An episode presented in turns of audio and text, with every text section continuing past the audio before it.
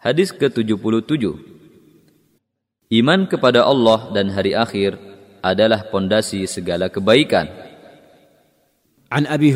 رضي الله عنه ان رسول الله صلى الله عليه وسلم قال من كان يؤمن بالله واليوم الآخر فليقل خيرا أو ليصمت ومن كان يؤمن بالله واليوم الآخر فلا يؤذي جاره ومن كان يؤمن بالله واليوم الاخر فليكرم ضيفه Dari Abu Hurairah radhiyallahu anhu bahwa Rasulullah shallallahu alaihi wasallam bersabda, Barang siapa beriman kepada Allah dan hari akhir, maka berkatalah yang baik, atau kalau tidak, maka diamlah.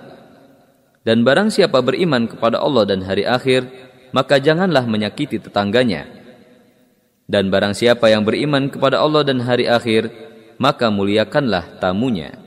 Hadis riwayat Bukhari dan Muslim, dan ini lafaz Bukhari. Perawi hadis. Lihat hadis nomor 13. Beberapa faedah hadis ini adalah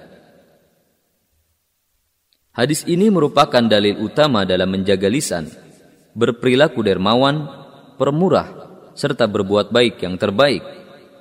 Iman kepada Allah dan hari akhir merupakan pangkal segala kebaikan.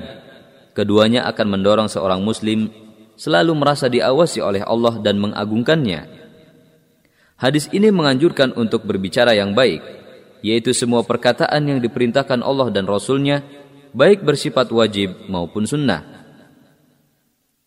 Islam memperhatikan hak-hak tetangga dan mengagungkan urusannya.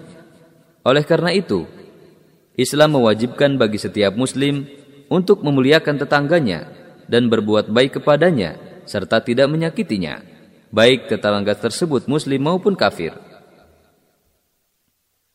Memuliakan tamu merupakan pertanda kesempurnaan iman, juga menyiratkan ketinggian akhlak yang dianjurkan oleh ajaran agama Islam.